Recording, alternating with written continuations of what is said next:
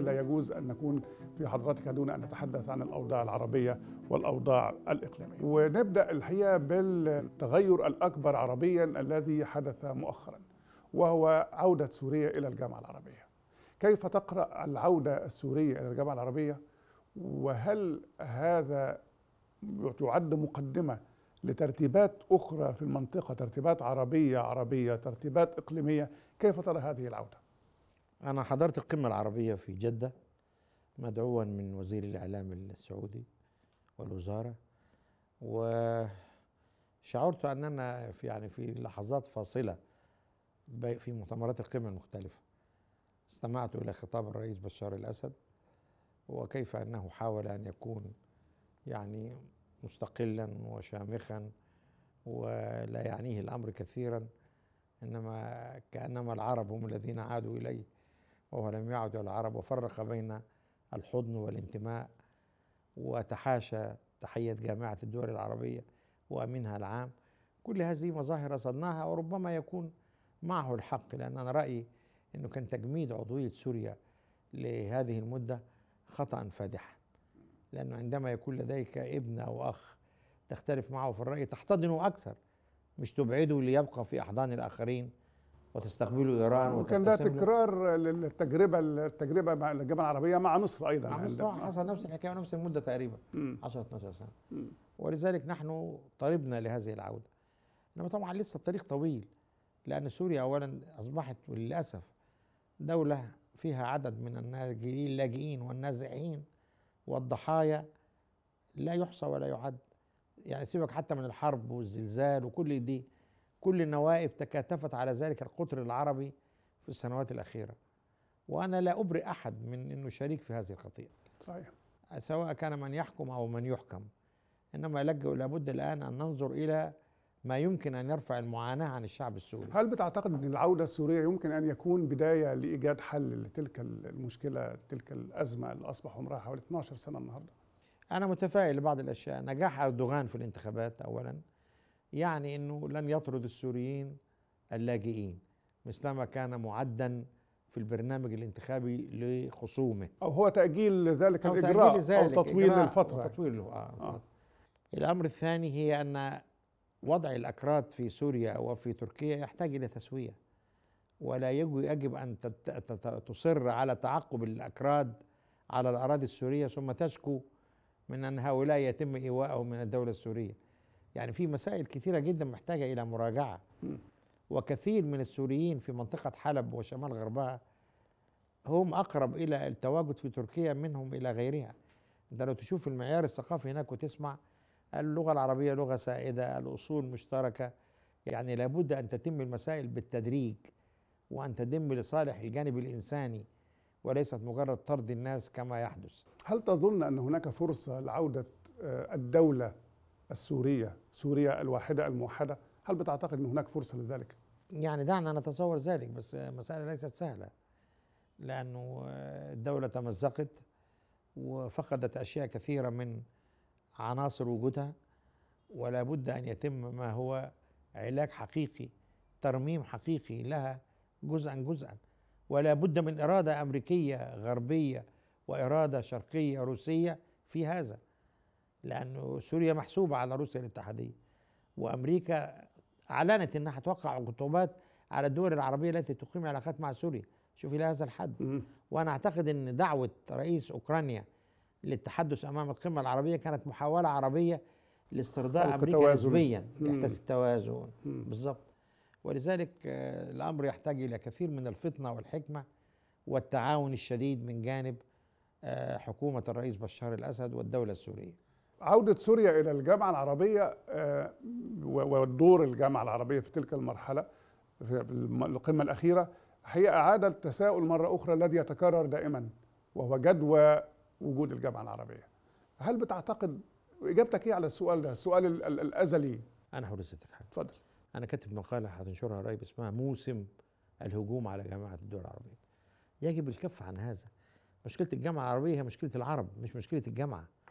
مشكلة الإرادة العربية الراغبة في دعم هذه المنظمة أم لا. لما في معظم الدول ما بتدفعش حصتها دلوقتي. في مشاكل حقيقية. الجامعة العربية محصلة لإرادات الآخرين. وبعدين بقى يقول لك ما لهاش فايدة لا لها فايدة.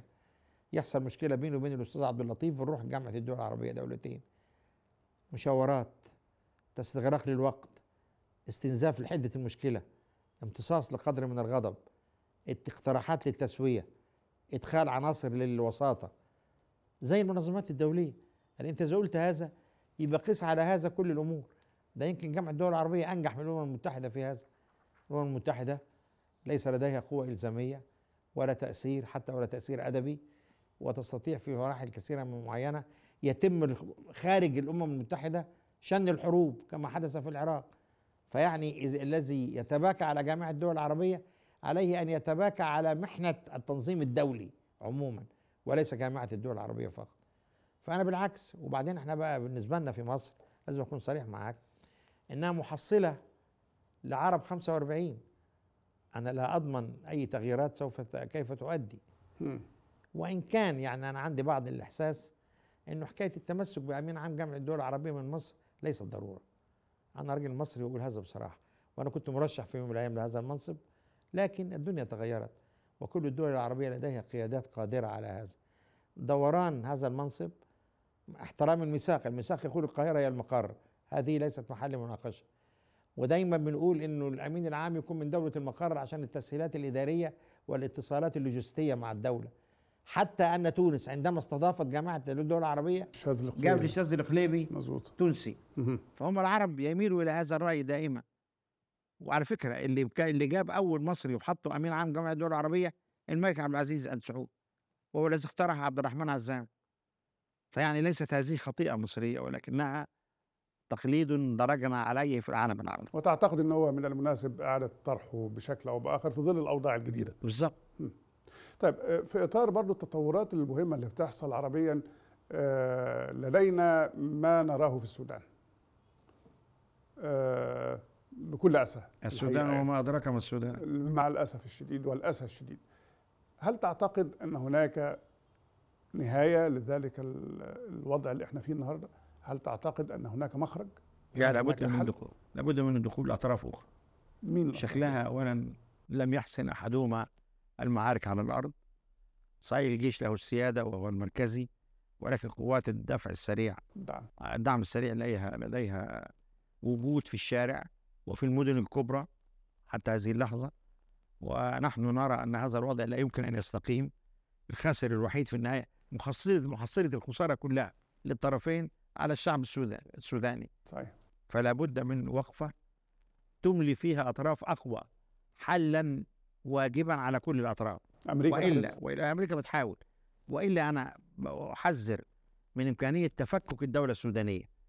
دارفور تمشي في حتة كردفان في حتة النوبة السودانية في حتة.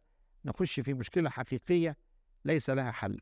من يمتلك القدرة على التأثير على الأوضاع في السودان؟ أعتقد أهم دولة عربية السعودية في هذا وأهم دولة دولية في هذا الأمر أيضا ربما تكون هي الولايات المتحدة الأمريكية وروسيا. ودعني أسمي دولة الإمارات أيضا طرفا في هذا لأن الإمارات لها قدرة في التأثير على بعض الأطراف الموجودة هناك. وماذا يمكن أن تفعل مصر؟ مصر وضعها حرج لأن تاريخها معقد في العلاقات مع السودان. ده في الأيام الأولى للصراع كانوا يحاولون الزج بمصر فيه. لولا أن مصر تنبهت وسحبت الجنود اللي رايحين باتفاق للتدريب المشترك إليها مرة أخرى.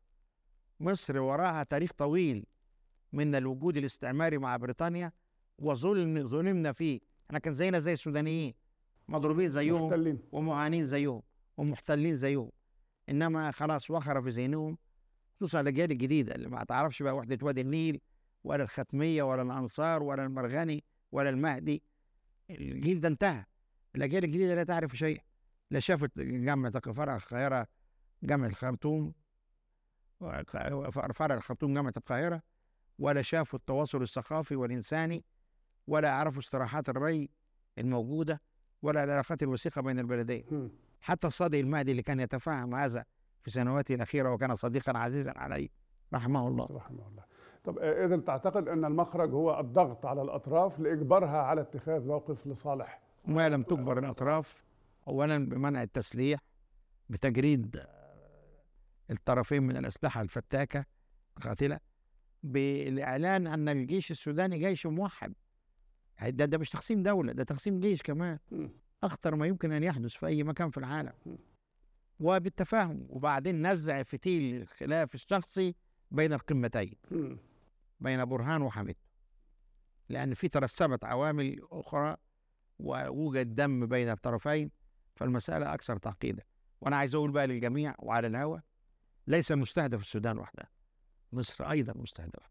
أنت بتعمل بركان أتون بركان على جنوب حدودها الجنوبية ومشاكل على حدودها الغربية في ليبيا. وصراعات حماس وإسرائيل والإرهاب في سيناء وغزة. كويس؟ يعني ما هو الملاذ. وسد النهضة الآن ترى وتوارى الاهتمام به اهتمامي صحيح. خلاص. صحيح. هي هدية كبيرة لأبي أحمد بن أبي أحمد. مم. آه لكي يشعر أنه لا أحد سوف يعطي هذا الموضوع أولوية. السودان نصف المتحدثين في الموضوع. لم يعد له وجود سياسي حقيقي في هذه المرحلة. صحيح. ولذلك نرجو أن يتجه الجميع وبسرعة لحل هذه المشكلة والمعضلة لأن هذا سوف يؤدي إلى حريق في العالم العربي كله يكتوي به الجميع خصوصا السودان ومصر.